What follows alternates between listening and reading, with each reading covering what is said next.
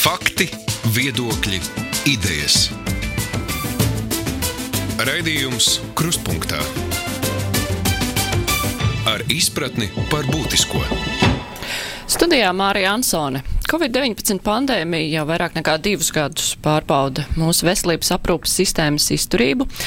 Tomēr vesel, veselības aprūpa Latvijā ir ne tikai tā, ko apmaksā valsts, būtiska loma ir arī privātajai medicīnai, ko aktīvi izmanto arī tie cilvēki, kuri nevar vai negrib gaidīt rindās uz valsts apmaksātiem pakalpojumiem. Šodien kruspunktā lielā intervija ir ar Veselības centra 4 vadītāju Māri Rēvaldu. Labdien! Labdien, labdien! Mēs jau ziņās dzirdējām bēdīgās prognozes, tajā skaitā par Pirmkārt, jaunākie saslimušo dati, kas priekš brīvdienas ir diezgan lieli. Uh, procents, cik daudz cilvēkiem no testētajiem tiek atklāts vīrus, uh, rāda, ka tas jau izplešas pārāk strauji. Un nu, prognozes ir tādas, ka tuvāko jau desmit dienu, divu nedēļu laikā, diemžēl, slimnīcas būs pilnas. Un ārstu biedrība arī aicina valdības teikšus domāt par cilvēku pulcēšanās ierobežošanu, jo nu, tas ir galvenais, kā vīrus pārceļas no viena uz otru. Kam gatavojaties jūs tas, ka lielajās slimnīcās kādi veselības aprūpas pakalpojumi tiek, tiks ierobežot, nu, tas ir arī skaidrots ar to, ka uh, liela resursi ir jānodrošina tieši Covid pacientiem. Privātās iestādes ar Covid pacientiem tā nenodarbojas, bet kaut kādi ierobežojumi droši vien būs arī jums jāievieš tīri, varbūt drošības pēc, kā tas izskatās, kā jūs prognozējat, kā situācija varētu attīstīties šajos privātajās medicīnas iestādēs?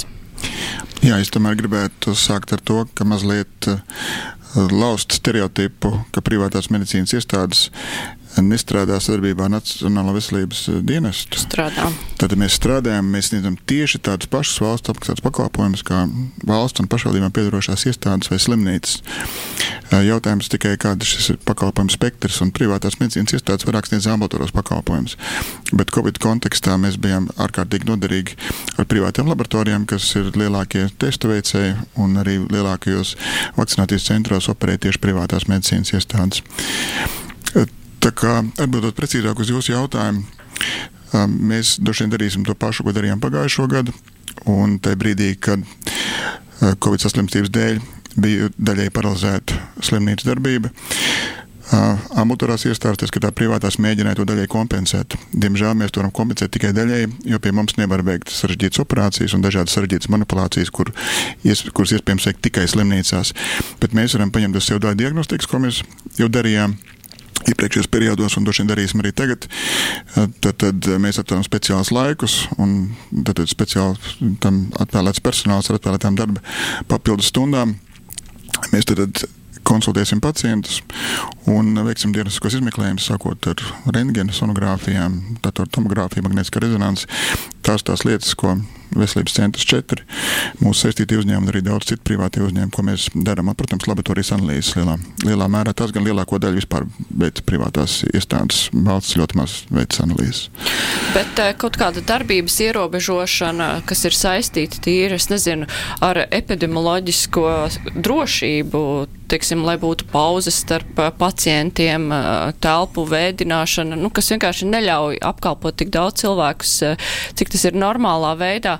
Vai tas var kaut kā samazināt, ierobežot pakalpojumus, ko jā. jūs sniedzat. Tajā skaitā arī varbūt mediķu slimošana vai atrašanās. nu, labi, viņi droši vien vakcinēti vairāk, bet, bet saslimsti arī vakcinēti cilvēki. jūs man uzdodat jautājumus, kur jūs īstenībā pat atbildat. Nu, viss ir tieši tā, kā jūs tur raksturojat. Protams, ka mēs ievēram drošības standartus, un pie tā jau ir daļai pierasts. Bet, diemžēl, tas, kad ir jāveido garāks pauzes tur pieņemšanā, tas pagarina šos pieņemšanas laikus, tas neuzlabo pieejamību diemžēl.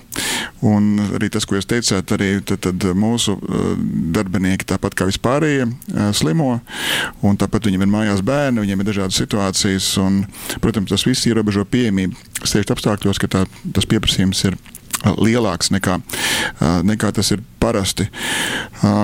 Labā ziņa vienīgi tā, ka medicīnas personāls tomēr ir sasniedzis diezgan augstu vakcinācijas aptveri. Mediķi vairs nemirst, no Covid, kā tas diemžēl bija vēl gadu iepriekš un šī gada sākumā. Mēs redzam, ka viņi arī vieglāk slimo. Ja, ja ir, gadījumā, ir tādi gadījumi, kad vakcinēts saslims, bet saslims tie parasti ļoti viegli. Un man pēdējā laikā vairs ziņa, ka kāds būtu nonācis pat slimnīcā.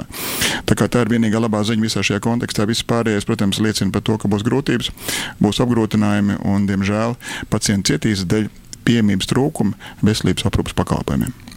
Kāda ir vakcinācijas aptvere mediķu vidū, ne tikai ārstu, bet arī nu, citu personāla vidū? Nu, jūsu iestādēs? Vai tā ir simtprocentīga? Nu, nekur jau droši vien nav simtprocentīgi. Diemžēl tie nav simtprocentīgi. Jā, teiksim, mūsu svaigākie dati ir 93%. Esam apzinājuši atlikumu. Mēs zinām, kas ir tie medicīnas profesionāļi, kas vēl to nav izdarījuši. Kaut kāda iemesla dēļ ir iemesls, esam mēģinājuši skaidrot. Mums ir cerība, ka vēl apmēram pusi no viņiem vakcinēsies, bet, diemžēl, visticamāk būs arī tādi, kas to nedarīs, kas viņam notiks tālāk. Man ir grūti iedomāties, nu, iespēja robežās mēģināšu pats runāt ar šiem cilvēkiem, kāda ir viņu iemesli, kāpēc viņi to nedara. Bet atbilstoši valdībā lēmtajiem, viņi jau nevarēs turpināt darbu. Jā, diemžēl tas tā, tā izskatās. Protams, ir vēl tomēr, nu, tāda šaura, ir, protams, arī mediķi ir vēlreiz dzīvi cilvēki, un kādam no viņiem iespējams arī ir, ir tomēr vērā ņemams kontraindikācijas. Jā. Kaut gan tas ir samērā reti. Bet nu, tāda iespējama arī pastāv, tā kā varbūt ka kāds būs vienkārši kontraindicēts. Nu, varbūt vēl piedodiet par tādu melno humoru ironiju, nu, kāds varbūt paspēs vēl saslimt jā, līdz liktenīgiem datumam. Tā kā, nu, varbūt, pēc tam varēs strādāt. Bet jā, tā nav nekāda brīvmaņa parādība, un mēs varbūt esam lepni, ka vakcinācijas aptvere ir salīdzinoši augsta, jo zinu, ka dažos medicīnas centros ir sliktāk arī mūsu sistēmā esošiem, teiksim, Daugavpils uzņēmumā, kas ir, ir mūsu sistēmai piedaroši, ir daudz sliktāka situācija nekā, teiksim, tām struktūra vienībām, kas ir Rīgā. Un, kā, no vienas puses esam lepni, ka ir uh, tik labi, bet arī mediķu vidū jā, ir vakcinācijas pretinieki un dažādiem iemesliem. Bet cik lielā mērā vakcinācijas pretinieki ir tādi, kuri uzskata, ka nu, šīs vakcīnas ir eksperimentāli skaitīgas un iesaka arī saviem pacientiem nevakcinēties? Jā, diemžēl tādas ir. Arī jūsu iestādē? Jā, arī mūsu iestādē. Um, nu, mums bija viens ārsts, kurš vairs nestrādā, jo kas tiecas veselības centra četri, mums ir, ir, ir filiāls un, un klīnikas, kas ir mūsu sistēmā, tā kā saistītie uzņēmumi. Tad mums ir bijuši aktīvi vakcinēties pretinieki, kas arī vairs nestrādā pie mums. Bet uh, ir tādi, kas vienkārši nevakcinējās un nu, ar savu viedokli uh, dalās. Tad viņiem ir kaut kādi iemesli, kāpēc viņi to dara. Nu, to visu komentēt, protams, mēs diezgan ilgi droši vien runāt par to. Bet vai cilvēkiem, kur ir pret vakcināciju, nu, ir iespējams strādāt? Uh, jūsu iestādēs? Vai Ziniet, jūs no tādiem tā, tiekat vaļā? Jā, tiesības strādāt nelemj iestāžu vadītāji. Tiesības strādāt nodrošina certifikācijas procesu. Tātad profesionālās asociācijas ir atbildīgas par to, ka viņas izsniedz ārstiem certifikātu kas ļauj strādāt konkrētā specialitātē. Specialitāte, jā, bet uh, iestāde, kur strādā. Nu, jūs pieņemat darbā taču. Nu, viņi visi ir savā laikā pieņemti. Ja? Šobrīd tādi gadījumi, ka mēs pieņemam kādu, kas nav vakcinēts, patreiz nav pēdējā laikā bijuši. Tomēr tie darbinieki ir darba attiecībās jau kādu laiku. Un tad, lai darba attiecības pārstāv, pārtrauktu, tur ir noteiktas procedūras un noteikti likumi, kurus mēs nedrīkstam pārkāpt. Tāpat vēlreiz ir jānoskaidro iemesli, kā es minēju, varbūt arī tomēr retos gadījumos arī tīri medicīniski iemesli, kāpēc tas tiešām nav darāms. Ja kaut kāds īpatsvars būs. Tie ir pacienti, kuriem ir ļoti smagas alerģiskas reakcijas uz medikamentiem, tas skaitā vakcīnām. Kā jums šķiet, vai ārstiem, kuri ir stingri pret vakcināciju, ir jāatņem certifikāts. Par to bieži vien kāds ir ieminējies. Kā var būt certifikāts tādam ārstam? Jā, redziet, nu, es šeit varētu būt subjektīvs, tāpat laikā man jābūt objektīvam. Situācijas par certifikātu atņemšanu man kādreiz bijušas. Es to citu kādreiz mēģināju tiešām ierosināt certifikātu atņemšanu ārstam, kurš piedod bija hronisks alkoholiķis, kurš mēdza dzert, uzbrukt pacientiem, iekaustīt uh, savus kolēģus un nonākt policijā un tam līdzīgi. Jūs domājat, viņam atņemt certifikātu? Nē.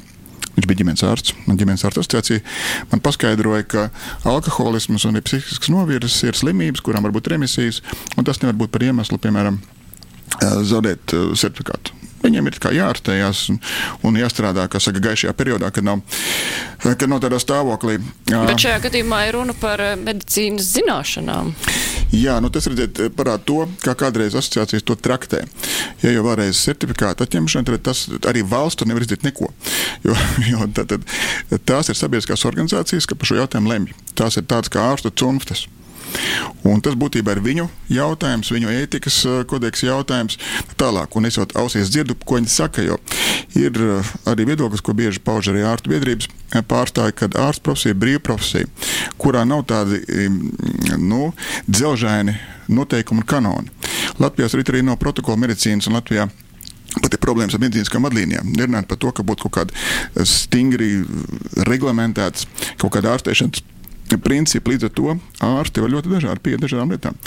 Dažādi traktēti arī pacientiem ir iespējas iet gan pie tradicionālas medicīnas ārstiem, gan pie netradicionālas medicīnas ārstiem, kuriem tur ir sava asociācija, kuri ārstē visām metodēm, kas ir nu, dažas gadsimtiem vecas, un tie ir homeopāti, tie ir adatu terapeiti, tie ir, piemēram, osteopāti un daudz un dažādi. Tie ir indiešu ajurvēdas eh, medicīnas speciālisti. Kāda ir pilns? Ļoti daudz, un ir arī daudz tādu ārsti, kur kombinē šīs metodas, kuras savā darbā izmanto gan konvencionālās metodas, gan netradicionālās. Tā kā nu, šeit ir tāda no vienas puses profesionāla brīvība, viedokļa dažādība. Mēs zinām, ka pacienti šādus ārstus arī paši izvēlās.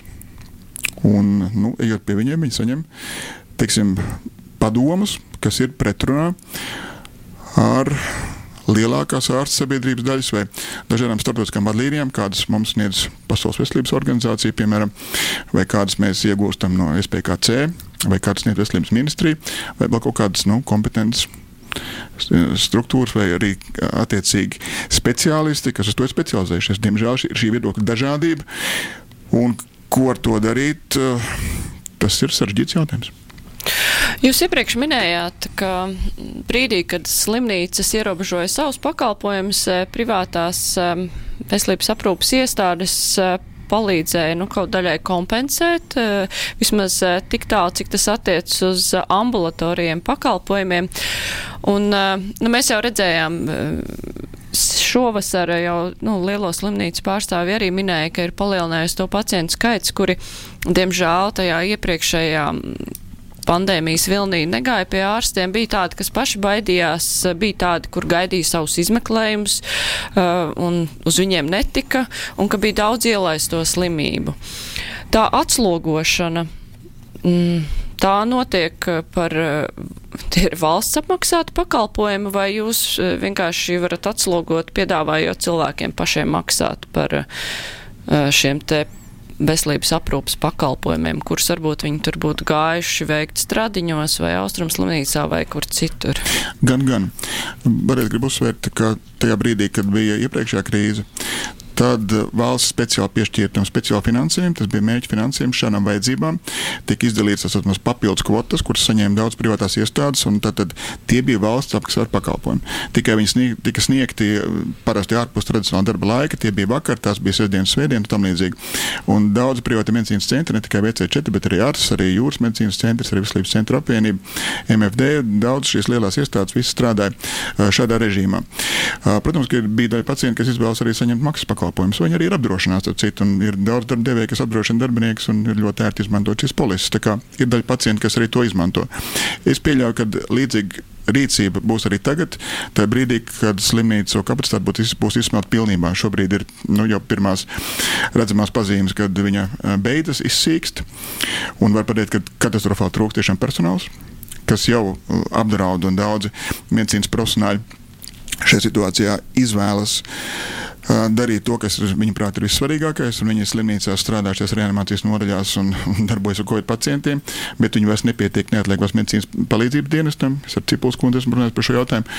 Un viņi ir katastrofāls stāvoklis ar kadriem, jo arī viņas, viņas darbinieki ir aizplūduši slimnīcām un reāli nu, stāv pie gultām un glāb dzīvības šobrīd, bet arī mēs no tā esam jau cietuši. Un, piemēram, šajā te, iepriekšējā nedēļas nogalē, kad mūsu privātais med, neatliekos medicīnas palīdzības dienests, kuram vajadzēja nodrošināt dažādas starptautiskas pasākumus, piemēram, hokeja spēļu, klāt, nu, klātbūtni, mediķu klātbūtni šajās spēlēs, vai dažādas starptautiskas uh, motocrossa vai uh, dažādas citas pasākums. Mums bija gandrīz neiespējams dabūt kaut vienu ārstu reanimatologu. Mums izdevās pēdējā brīdī, pēdējiem spēkiem ar milzīgu lūkšanos un, un īpašu samaksu, jo visi medicīnas profesionāļi šobrīd ir aizņemti darbā ar covid pacientiem. Un tas arī parāda šos blakus efektus, par kuriem daudzi nedomā. Jo lielākā daļa domā tīri lineāri. Tad, tad nezinu, tur tad, tad, nu, ir iespēja uzspēlēt to krievu ruleti un saslimt vai nesaslimt ar to covid. Ja saslimt, tad lielākā daļa, protams, izslimo pietiekami vieglā formā, un tad daļa no viņiem nonāk šajās slimnīcās, un daļa arī jā, nomirst. Bet viņi neredz to pārējo. Neredz pārējo, ka citi pacienti tad arī iespējams nomirst ar to, ka viņi vienkārši netiek pie ārstiem, ka viņas slimības netiek laikā diagnosticētas, ka viņiem netiek laikā veikts šīs plānotās operācijas, ka viņi vienkārši netiek pie mediķiem. Un tie ir tie zaudējumi, kurus varam patiesībā redzēt tikai pieaugušajā mirstības statistikā vai kronisko slimību pārsnāšanās statistikā? Vai ielaistu slimību statistikā, kur vēl tikai mēs apkoposim, un tad to pēc laika parādīs, kā arī mēs redzēsim to, kas notiks ar tiem pārslimojušiem kuri tagad cieš no dažādām ļoti nepatīkamām sakām, kuri invalidizēs, kļūst par invalīdiem, kuru darbspējas ir ierobežotas, kur dzīves kvalitāte ir smagi iedragāta. Un tam līdzīgi tas ir nākošais process, kurā viņam tagad veido speciālas rehabilitācijas programmas un tam līdzīgi. Tāpat tās mūsu slimnīcas nekad nav bijušas gatavas darboties no šāda pandēmijas apstākļos, ka ir notiek vīrusu izplatība arī slimnīcās. Ir diemžēl bijuši gadījumi, kad pacienti ir saslimuši slimnīcā, dēļ tā, ka slimnīcas infrastruktūra nav bijusi piemērota tam, lai efektīvi pasargātu piemēram, kaut kādas nodaļas, kurās eh, guļ smagi pacienti. Tas ir arī viens no iemesliem, kāpēc slimnīca pārtrauca savu darbību. Tā kā tur ir vesela rinda, to, ko varētu saukt par tādiem uh, smagiem blakus efektiem, par kuriem sabiedrība pat neaizdomājas. Bet uh, cik lielā mērā tad privātās iestādes var kompensēt to, ko nevarēs sniegt uh, slimnīcas, ierobežojot savus pakalpojumus eh, visu šo te uzskaitīto iemeslu dēļ. Mediķu trūkums, ar kuru droši vien arī jūs saskaraties, un, eh, nu, nezinu, tīri laika trūkums, jo nevar jau pieņemt pacientus 24 stundas dienā. Tad cik liela tā kompensēšana var būt? Es, es šobrīd nevaru precīzi to izmērīt. Var tikai pateikt, ka iepriekšējā periodā, eh, kas ilga vairākus mēnešus šādā režīmā, Uh, nu, to pieprasījumu, kas bija, tajā brīdī mēs vēl daudz maz varējām kompensēt. Vienīgi uzsvērt to, ka pamatā bija runa par diagnostikas pakalpojumiem un daļai par, par šīm ārstu konsultācijām. Um, to sadaļu, kas ir sarežģītas manipulācijas un operācijas, to diemžēl arī privātās medicīnas iestādes varēja kompensēt tikai daļēji gan personāla trūkuma dēļ, gan dēļ tā, ka daudzi pacienti nevar atļauties to, par to maksāt. Viņu teiksim, maksāt spēja no tāda, lai viņi varētu maksāt privātās medicīnas iestādēs dārgu cenu par dažādām operācijām, un viņi bija spiest gaidīt kas ar viņiem ir noticis. Šo droši vien diezgan briesmīgo statistiku iespējams mēs kādreiz dzirdēsim, bet tur nekā laba nav, protams. Klausītājs raksta tā, dzīvoja 240 km no Rīgas, pieteicos vizītē pie traumatologa veselības centrā 4, samaksāja 45 eiro, ceļā pavadīju 3,5 stundas ārsta konsultācija ilga trīs minūtes. Paldies! Tas uh, nav tā rēķina, ka nu, nu, grūti ir, ātri. Man, man ir grūti komentēt, vai tiešām tā vizīte būtu ilgusi uh, trīs minūtes. Ja, tiksim, vizītes solis ir uh, nemazāks par 20, 20, 30, 40, dažiem ārstiem ir stunda ilgs vizītes solis. Mūsu uh, sistēmā šāda intervāla trīs minūtes vienkārši nav. Ja izņemot tāds gadījums, ja ir atsevišķi atsevišķa pozīcija, jo pacientam jāizraksta tikai recepte kādreiz. Ja? Vai jānoslēdz slimības lapta, ir speciāls samazināts. Nu, šeit tā kā, pēc tā neizklausījās. Jā, nu, man grūti ir eh, komentēt, bet ja pacientē ir gadījumā pretenzijas, jo pilnīgi noteikti vērsties pie mums un mēs eh, viņas sūdzību izskatīsim likumā noteiktā kārtībā. Bet tīri finansiāli, kā šī te kā šī pandēmija un tajā skaitā arī pakalpojumu samazināšanās slimnīcās ietekmēja veselības centrus. Vai tas jums bija izdevīgi, neizdevīgi? Jā. Nu, jā, nu, droši vien, kad mēdī telpā kāds ir pamanījis, ka ļoti lielu darbu apjomu ir veikuši privātās laboratorijas, kurām tas ir bijis arī pietiekami izdevīgi, un viņas ir rentabli strādājušas un uh, nopelnījušas arī kaut kādas uh, pietiekami lielas uh, naudas līdzekļus. Kas attiecas uz pārējiem, tad uh, Šobrīd ir tā, ka pagājušās gads vismaz mums ir beidzies apgrozījuma kritumi, jo medicīnas iestādes bija uh, slēgtas. Mēs esam saglabājuši rentabilitāti, bet esam mazāk līdzekļus apgrozījuši. Uh, īstenībā tā situācija arī bija tāda, ka tajā brīdī, kad bija cieta, mēs bijām cieti gandrīz divus mēnešus, tad tajā brīdī strādāšana bija ļoti ierobežota. Toties pēc tam pacienti nāca vairāk, biežāk, un mēs arī centāmies pagarināt pieņemšanas laiks. Tas gada griezumā ir vismaz daļai kompensējies. Uh, jo ir, nu, pacientam arī godīgi sakot, nav kur palikt. Ja, tas arī ir pilnīgi skaidrs. Un, un uh, ir arī situācija tāda, ka arī par samaksu arī par samaksu. Daudz kur ir rindas, un mēs arī nu, dzirdam pamatots pārdomas no pacientiem, ka arī tad, ja viņi maksā, viņiem jāgaida kādreiz mēnešiem ilgi. Tāda šobrīd ir radusies tā situācija, un vēlreiz tas nesola nevienam neko labu. Ja, tas ir slikti. Tas nozīmē, ka ir uh, pieejamības ierobežojumi, kas diemžēl materializējas kā jau minēju, ielaistās slimībās, uh, dzīves kvalitātes samazināšanā. Tas materializējās arī kādam piedodiet vienkārši nāvi. Bet, ja veselības centri netiek aizvērti, nu kā pagājušajā gadā, kad tiešām tika daudz kas aiztaisīts ciet, tad uh, pakalpojumu samazināšana valsts slimnīcās privātajiem varētu būt nu, izdevīgi. Jā, nosacīti, jā. Tikai, redziet, ja mēs runājam par veselības aprūpas sistēmu kā tādu, tad šajā sistēmā ir viena problēma nu, īstenībā nepārvarama problēma.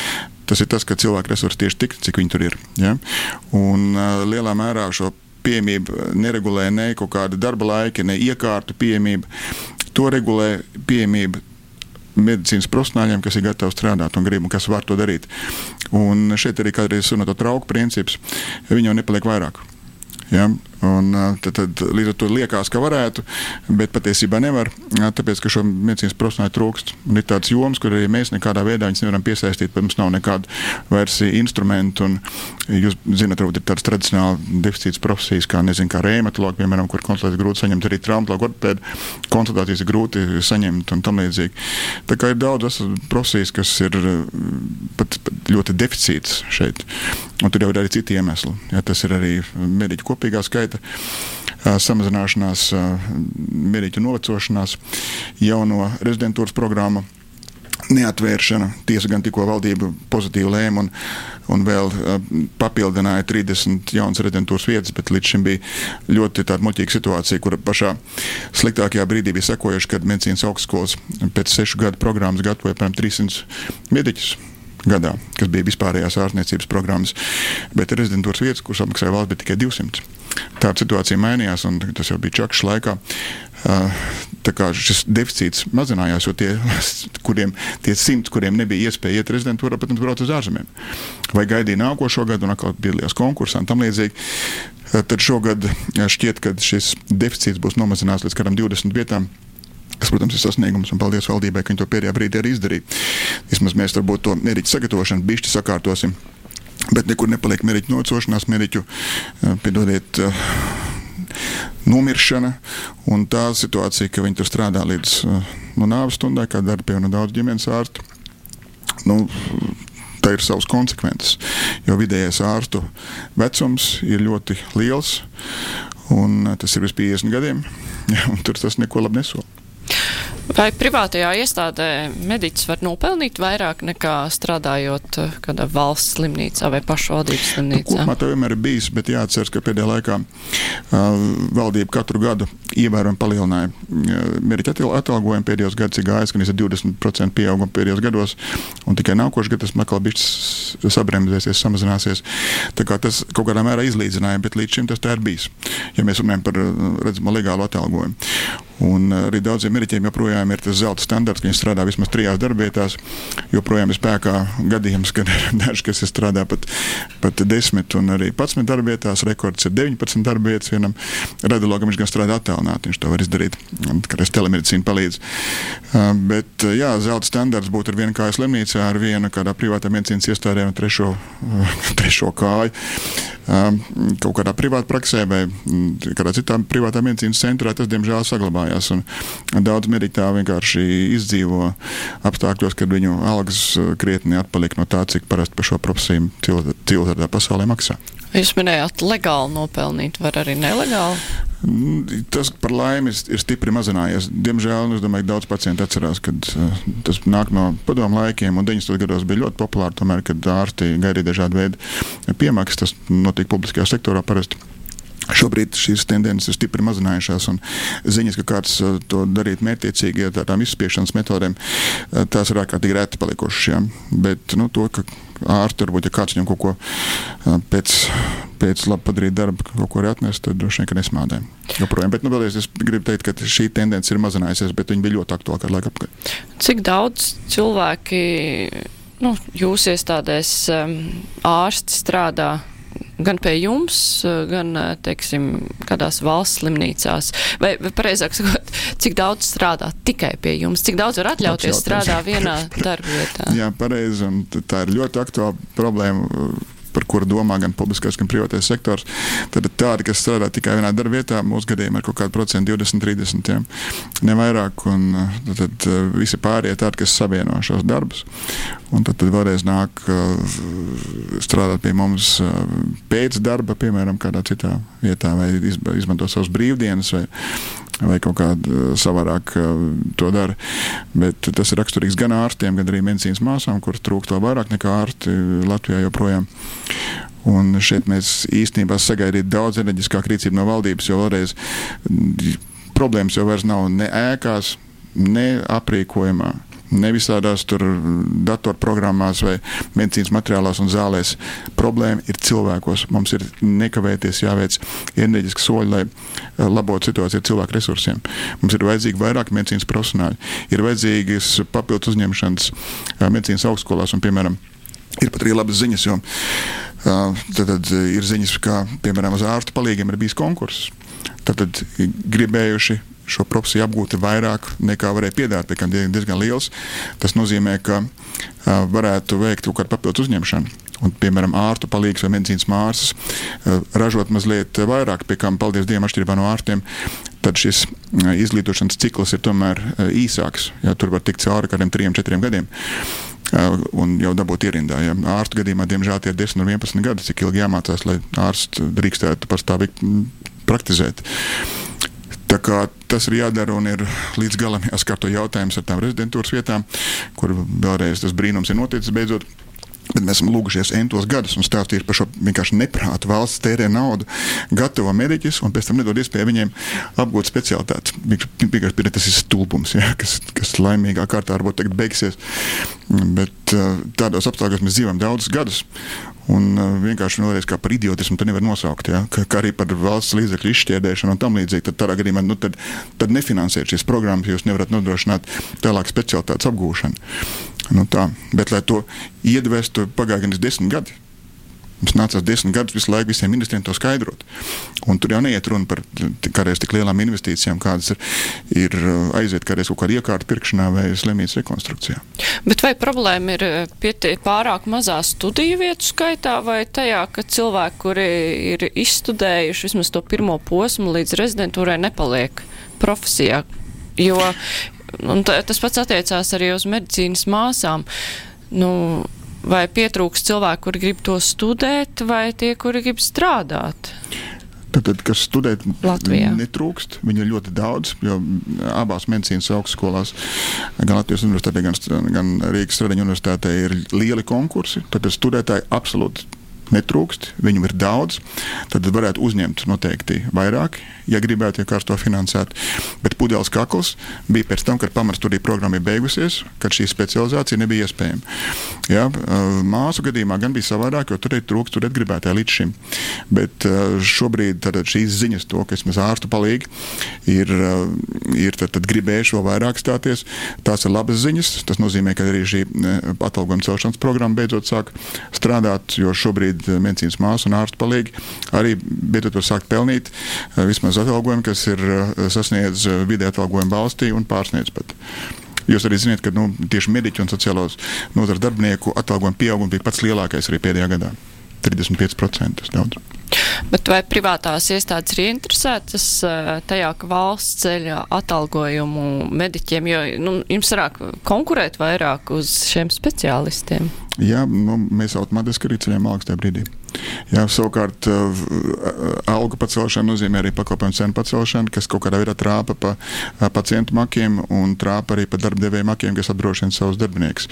Tas ir arī savienoto trauku princips, un šeit, jā, jūs precīzi iezīmējat situāciju, tā tas notiek reālajā dzīvē. Pretējā gadījumā mēs zaudējam personālu, un tas, ko dara medicīnas iestādes, vai tas ir privāts pašvaldība vai valsts, mēs īstenībā visi cīnāmies par darbiniekiem. Mēs visi cīnāmies par darbiniekiem un domājam, kā viņus vēl un vēl motivēt. Un un, gudīgi sakot, vairs uh, arotbiedrības īstenībā nav vajadzīgas, jo paši darbinieki ir tie, kas lielā mērā mums var nodiktēt savus noteikumus, vai, vai arī strauji mainīt darbu vietu, ko viņi arī dara. Viņi palikuši ļoti mobili. Viņi to dara ļoti ātri un vienkārši. Un arī, starp citu, šogad, ne šogad, arī pagājušajā gadā ir liels covid piemaksas, un paldies Dievam, tas palīdz vēl motivēt tos mediķus iet strādāt šajās nodaļās, bet nu, tā ir simtprocentīgi piemaksa, kas, diemžēl, atkal otrā galā arī atstāja iespēju, un tas, nu, piemēram, nav labi. Tas, ko es minēju, ka, teiksim, neatliekama medicīnas palīdzības dienesta, valsts dienesta darbinieki aiziet strādāt uz slimnīcu.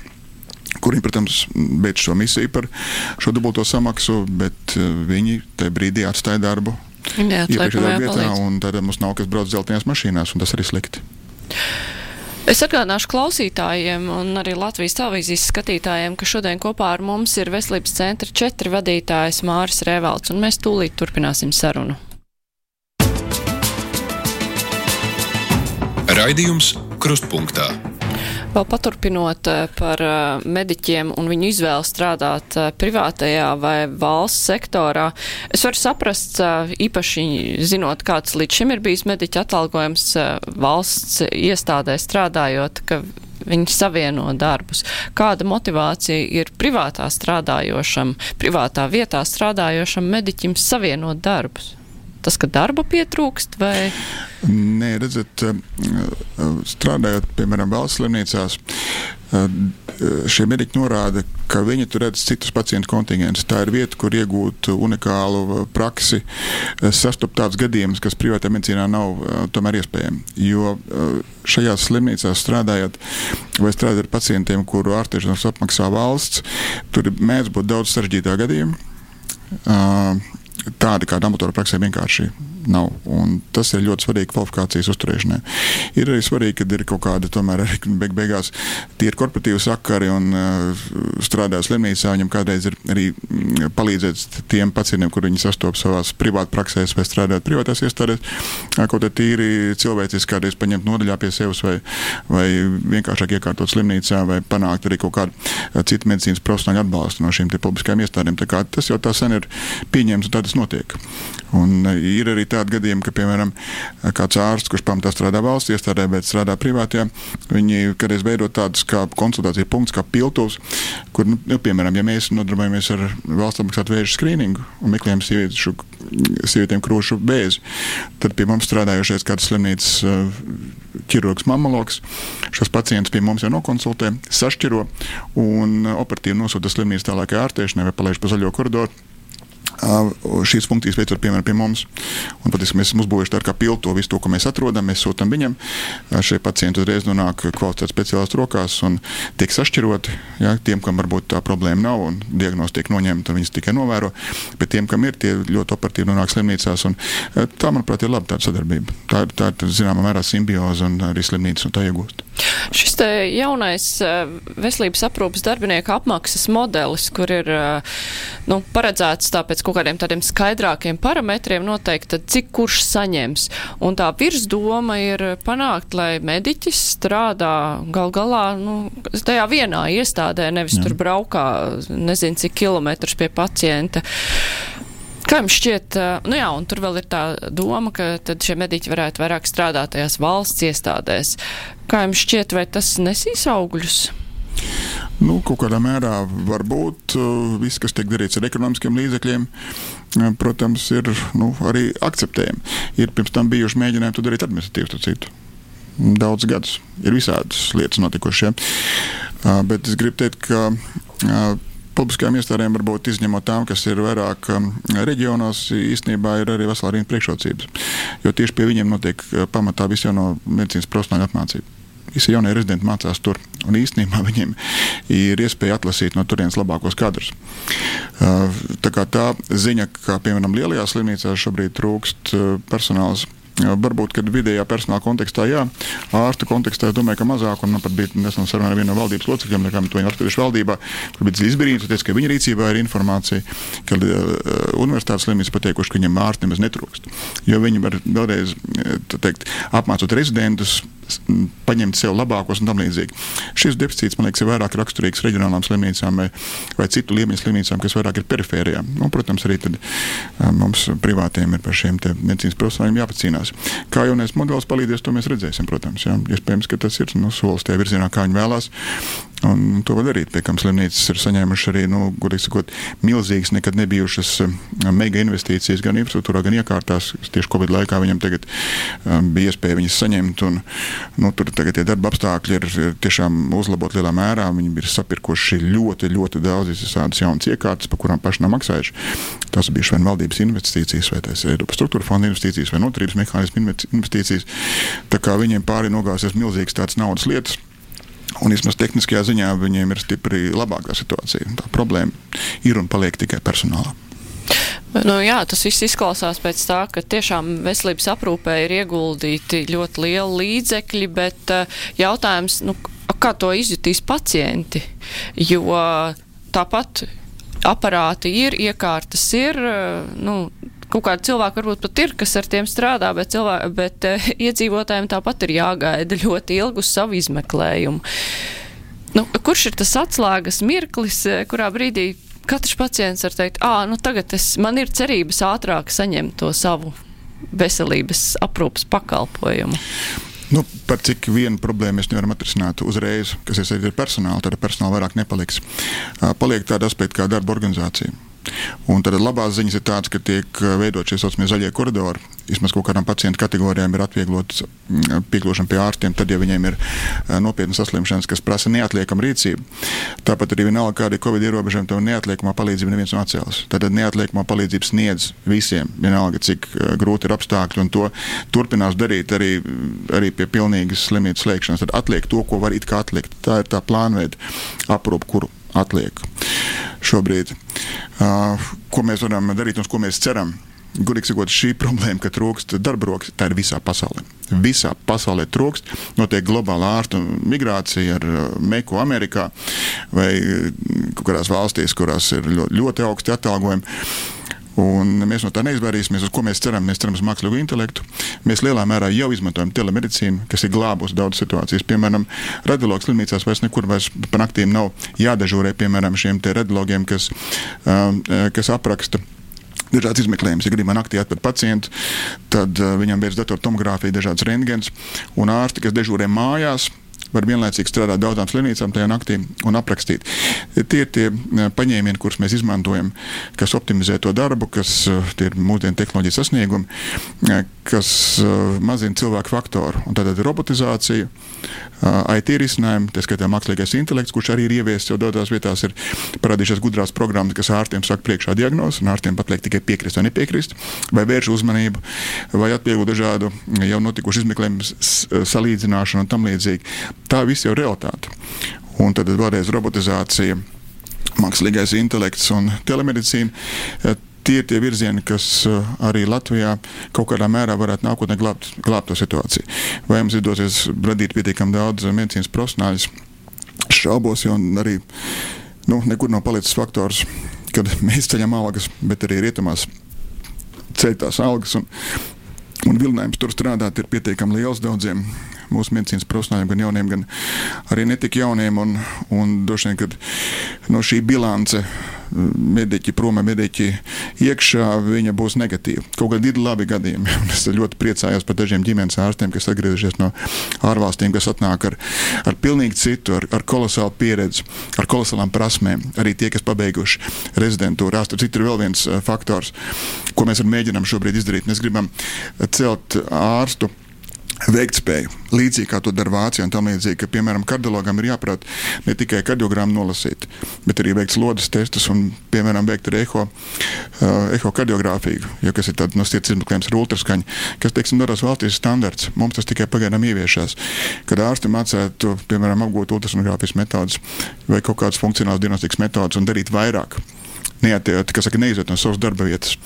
Un, piemēram, sonogrāfs jau kļūst par tādu kā fonendoskopu. Viņam arī ir tādi mazi, patiesībā kaklā pakarinā modeļi. Un daudz to dara visā pasaulē. Tas būtu svarīgi. Ja nu šeit tā diskusija notiek, un gan no ministrijas, gan no darba devēja puses ir tāda griba, un mēs nevienmēr, diemžēl, sastopam pretim nākšanu šajās ārstu asociācijās, kurām nu, ir mēdz būt savādāk viedokļi. Un, ja par to ir jārunā, tad, protams, ir sajūta, ka kādreiz ārstu asociācijā darbojas kāds unftis, kurš varbūt ir priecīgs par to, ka ir limitēts konkrēts specialitātes mediķu skaits, jo tad viņa darbs kļūst dārgāks, jo, jo grūtāk pieejamāks, jo dārgāks, jo viņu iespēja panākt to kāds labāks nosacījums, jebkurā darbietā, paaugstinās, un tas arī ir fakts. Bet vai tad šādi apsvērumi tiešām dabā ir sastopami? Vispār jā vispār. Jā. Kādreiz tas varbūt skar tādas jomas, kas varbūt nav tik vitāli svarīgas. Bet, eh, nu, piemēram, plastikas ķirurģija, nu, tur ne vairāk kā viens uh, speciālists gadā. Ir kaut kāda gada, kad nav neviena.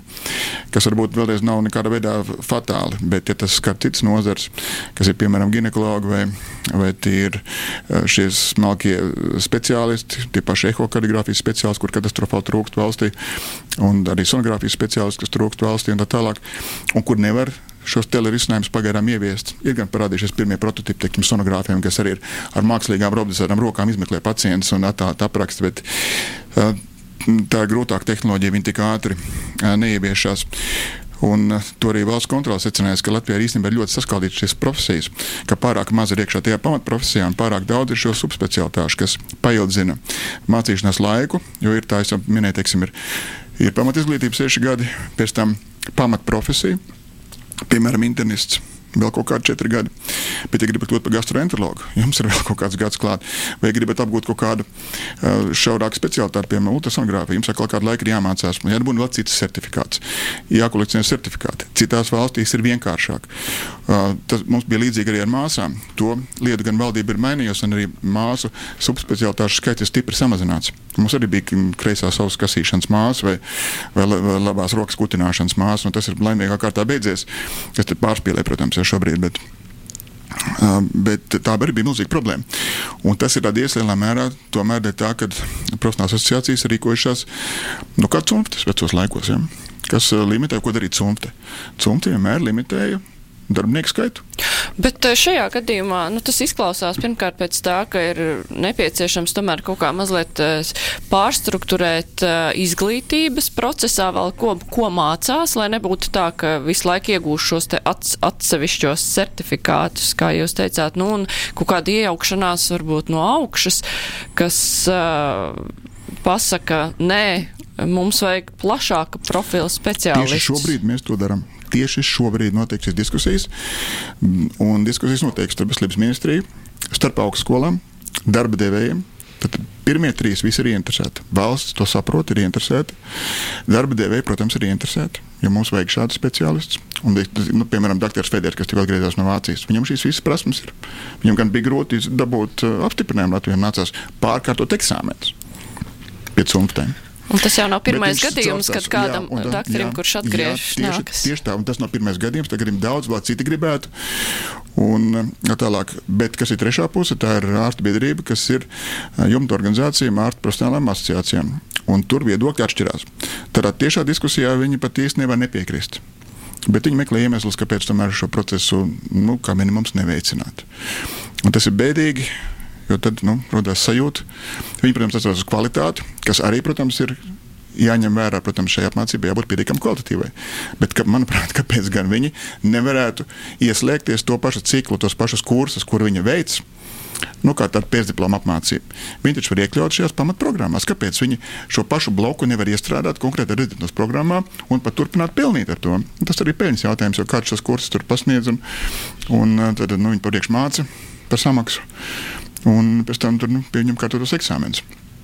Ja tur to vajadzētu visu ielikt iekšā, kā to dara citas valstis, pēc tam tas nav nekas tāds, tas nav mans izgudrojums.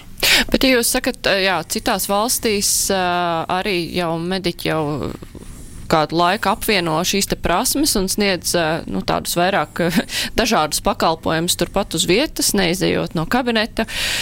Bet vai tas, ja mēs tā optimizētu šo mediķu darbu, vai tas atrisinātu tomēr cilvēku resursu trūkumu un cik lielā mērā, jo ja mē, vai mēs varam tā salīdzināt, nu cik tad viens, med, viens medicīnas darbinieks uz cik cilvēkiem ir tajā pašā Vācijā un cik pie mums, o, jo tā, tā, tāpat tas pats stāsts ir arī par skolotājiem, nu kas saka, ā, bet mums tik daudz skolotāju, citās valstīs tā nav, bet viņi, nu, kaut kā citādāk strādā.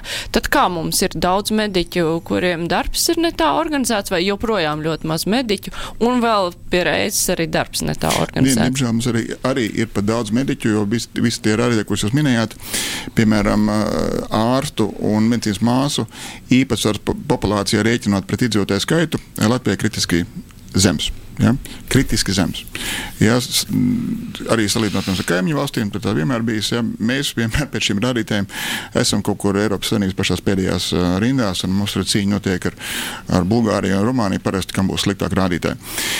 Um, tā kā uh, tas ir, bet ko vēlēs darīt, pat cik mēs nevaram ļoti ātri. Tad, tad uh, tāpat laikā katrs zina, ka uh, mediķi, tāpat kā jebkurā cita cilvēka, viņi nav vienādi. Viņu prasmju līmenis ir tomēr ļoti atšķirīgs ļoti atšķirīgs. Jo tāpēc arī pacienti īstenībā, sevišķi Latvijā, kur ir maz valsts, kur var ātri visu uzzināt, ļoti piedomā, pie kā viņi dodas. Ja? Viņi nu, iet uz uzvārdiem ļoti bieži.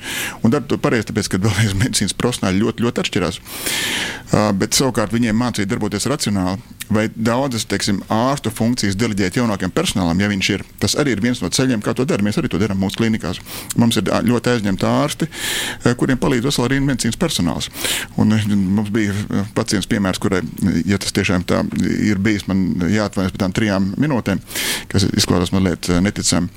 Bet, eh, ja mēs skatāmies savādāk uz šo lietu, tiešām daudziem ārstiem ir šie palīgi. Un tur nav tikai medicīnas mākslinieks, kādreiz ir tāds kā sekretārs, kas aizpild dokumentāciju un tam līdzīgi. Tas palīdz taupīt viņa laiku, un viņa paša darbs reducējās. Viņš var apkopot vairāk pacientus, bet visus pārējos papīra darbus, informēšanas darbus, sakārtošanas darbus kaut ko samanģēt, pieteikt, norunāt, vai izstāstīt, vai izsniegt dažādas rakstiskas instrukcijas. To visu darīs šie asistenti. Tas arī ir viens no veidiem, kā celt darba ražīgumu, to mēs darām. Tāpat jau arī palīdz um, beig beigās programmas, un paldies Dievam, parādās ārsti, kuriem māca pietiekami ātri rakstīt, un mums vairs nav jāņemās varbūt ar rokrakstītām kartiņām un tam līdzīgi, kaut gan vecā paudze nu, joprojām to dara un tam līdzīgi. Un tādā veidā rada veselu, piemēram, papīra glabāšanas industriju. Un atkal paldies valdībai, ka vairs nav jāglabā 75 gadu tā medicīnas dokumentācija, ka tagad ir kaut kā 40, bet ir 40 gadi ir jāglabā tās kartiņas kaut kur. Tie ir milzu arhīvi, kuros arī rosās kaut kā cilvēku onkuļi un tantes, deldē savu muļķīgi deldē darba spēku, kāds par to visu maksā. Tā vietā, lai vienkārši rakstītu sistēmā un to visu, tas viss glabātos datoru atmiņās. Tā kā, protams, kad arī IT risinājumi ir tie, kas varētu palīdzēt mums celt darba ražīgumu, nezaudēt vai pat kāpinot kvalitāti. Tas ir tas, pie kā būtu jānonāk. Nu, tās ir lielās cerības. Bet nu, kopumā, ja mēs skatāmies uz visiem ieguldījumiem veselības aprūpē, ņemot vērā to, cik ļoti pietrūks cilvēki, tad sanāk, ka tieši cilvēka resursi ir tas dārgākais ieguldījums. Tas ir dārgāk nekā visi šie daudzie aparātu, iepirkumu un nu, slimnīcu ēkas būvēšanas. Vai, nu, tā ir saprast. Bet tā mēs nedrīkstam spriest, protams, ka būvēt uh, slimnīcas ir, ir nu, simtiem miljonu dārgi mm. projekti. Mēs nevaram teikt dārgāk, bet mēs varam teikt sarežģītāk. Un pat arī, ja skatās no citas puses, piemēram, mums ir visur ieviesas kvalitātes varības sistēmas, un ja mēs analizējam no, no kvalitātes viedokļa, tad cilvēku faktors ir vājākais posms. Diemžēl. Joprojām, jo sevišķi apstākļos, kad arī darba attiecības ir apgrieztas kā MVC, viņi katastrofāli trūkst. Viņi brīnišķīgi zina, ka mēs nevaram atrast citu speciālistu. Un īstenībā viņi ir tie, kas bieži diktē noteikumus. Ja? Viņi var mierīgi neatnākt uh, laikā uz, uz darbu, nebrīnot nevienu. Ja? Viņi var, uh, nezinu, tur noraut kaut kādu uh, vizīti, viņi var nekvalitīvi veikt ierakstus, um, teiksim, ambulatorijas kartiņās un tam līdzīgi. Viņam nekas par to nebūs. Viņi zina, ka uz viņiem neviens nestāv, ka mums nav izējas, ka mēs tāpat dabūsim kādreiz viņiem tur piemēroties, lūgties. Tas ir ļoti īstenībā slikts, slikts moments, tas slikti strādā. Līdz ar to mēs nonākam pie šiem medicīnas profesionāļiem, kas ir cilvēki kā mēs visi. Kuri var būt slimi, viņi var būt gudrāki, viņi var būt muļķīgāki, viņi var būt strādīgāki, mazāk strādīgi, varbūt apzinīgi un mazāk apzinīgāki, viņi var būt ar lielāku ētiku un mazāk apveltīti. Viņi visi ir cilvēki, visas cilvēcisko īpašību spektrs, diemžēl pilnā spektrā. Viņi arī mēdz saslimt, tā skaitā ar garīgām slimībām. Un to es arī mēģinot toreiz noņemt to ārstu dzērēnu no Irīnas uzzināju, ka, piemēram, Latvijā ir likums rakstīts, un teiksim, rakstīts likumā par farmāciju, ka aptiekārs nedrīkst būt ar psihiskām slimībām, lai nedod nepareizas tabletes. Bet ārsts izrādās drīkst. Ārsts, kurš izraksta receptes, drīkst. Ja? Nu, Bet tas arī likumdevējiem būtu jāpadomā. Jau reiz aptiekārs nevar, un ārsts drīkst, ārsts, kurš raksta receptes aptiekāram, tad kaut kas nav kārtībā arī ar tādām lietām. Bet nu, tas arī izklausās pēc tiem cunftu jautājumiem, jā, nu, cunftu lietām, jā, nu, kuras nu, ir pārāk jā, nu, spēcīgas. Piedod, ka es biju spiests pieminēt, jo cunfti ir tādā gadījumā šie ir tādi mazliet tādi nepārāk negatīvu um, uh, pieskaņu, un arī nevis cunfs ir, ir Latvijā teiksim, tur, uh, vienāds. Bet kaut kādā mērā jau vēlreiz tas spēlē uh, kaut kādā jomā pozitīvu lomu, jo tur ir nu, tā Nu, jā, nu, tas ir demokrātiski un, un tā, bet no otras puses, jā, teiksim, ietekmēt eh, šādu organizāciju lēmumus nav iespējams. Bet arī par pašu ārstu biedrību ir tādi, mums gan ļoti maz laika ir palicis eh, dažādi viedokļi. Nu, ka tur tie signāli, kas ir nākuši no ārstu biedrības dažādiem cilvēkiem, ir kaut tā paša Covid eh, sakarā ir bijuši, nu, ļoti dažādi saprotami, un ka, ka viņi arī ir vainīgi pie tā, ka cilvēkiem ir galvās sajukums par šīs situācijas nopietnību. Jā, Tad šī virsorganizācija tur jā, arī. Ārstu biedrības valdē abi ir notikuši šķelšanās šādos svarīgos jautājumos. Jautājumos par vakcinācijas liederību un tam līdzīgi.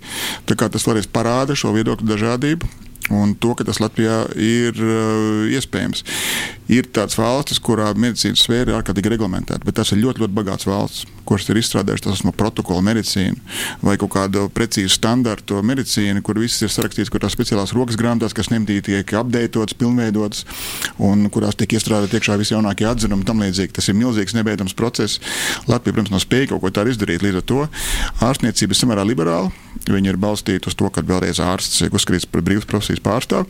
Viņš var metodas izvēlēties ļoti dažādas, un um, viņi par to nekādīgi nevar īsti pat sodīt. No. Jā, ir par ko padomāt. Jā. Bet uh, mums, uh, savukārt mūsu sarunai atvēlētais laiks jau ir gandrīz beidzies. Es teikšu paldies. Šodien kopā ar mums bija Veselības centra 4 valdes priekšsēdētājs Māris Rēvalds. Paldies, ka varējāt atnākt pie mums.